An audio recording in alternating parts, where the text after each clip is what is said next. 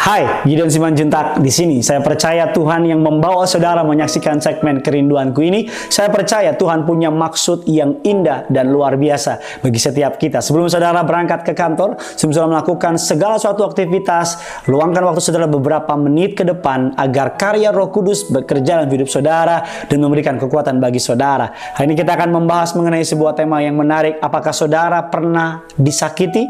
Saya percaya setiap kita pasti pernah disakiti. Setiap kita pernah mengalami kekecewaan, setiap kita pernah mengalami ditipu oleh orang yang kita percaya, atau bahkan sampai hari ini saudara masih mengalami rasa kecewa karena pernah menaruh kepercayaan kepada orang yang salah. Dasar kebenaran firman Tuhan mengatakan dengan sangat indah dalam Injil Markus 11 ayatnya yang ke-24 sampai dengan ayat yang ke-26 kita baca bersama-sama. Karena itu aku berkata kepadamu, apa saja yang kamu minta dan doakan, percayalah bahwa kamu telah menerimanya maka hal itu akan diberikannya kepadamu. Dan jika kamu berdiri untuk berdoa, ampunilah dahulu sekiranya ada barang sesuatu dalam hatimu terhadap seseorang, supaya juga Bapamu yang ada di surga mengampuni kesalahan-kesalahanmu. Tetapi jika kamu tidak mengampuni, maka Bapamu yang di surga juga tidak akan mengampuni kesalahan-kesalahanmu. Ayat ini memberikan sebuah gambaran yang menarik, gambaran yang indah bahwa doa saudara didengar oleh surga. Doa saudara punya kuasa, doa saudara dapat mengubah dampak dalam kehidupan saudara. Saya percaya doa adalah sebuah komunikasi yang Tuhan siapkan bagi setiap kita orang percaya. Saya percaya kalau ada orang benar yang berdoa, maka sesuatu yang hebat terjadi. Bahkan saya percaya kalau hanya ada satu orang benar yang berdoa, hal-hal hebat akan dinyatakan oleh Allah. Tapi di ayat selanjutnya, Yesus memberikan sebuah pengajaran. Kalau kamu berdoa, kalau kamu berdiri untuk berdoa, ampunilah dahulu sekiranya ada barang sesuatu di hatimu terhadap seseorang, baru supaya Bapamu di surga juga mengampuni kesalahan saudara. Dikatakan kalau kamu tidak mengampuni, maka Bapamu di surga juga tidak akan mengampuni. Tahukah saudara, kalau hati kita tidak dapat mengampuni, doa kita dapat terhalang.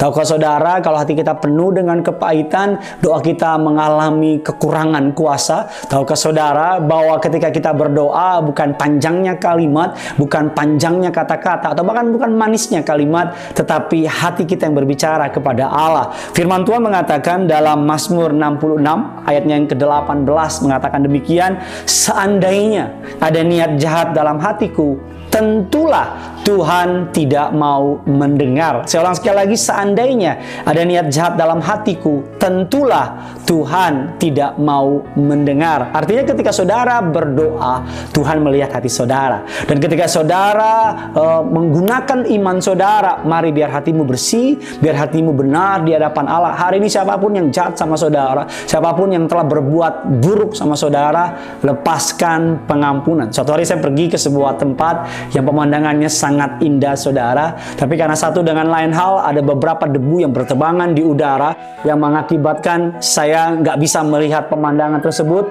karena debu tersebut membuat pemandangannya terhalang.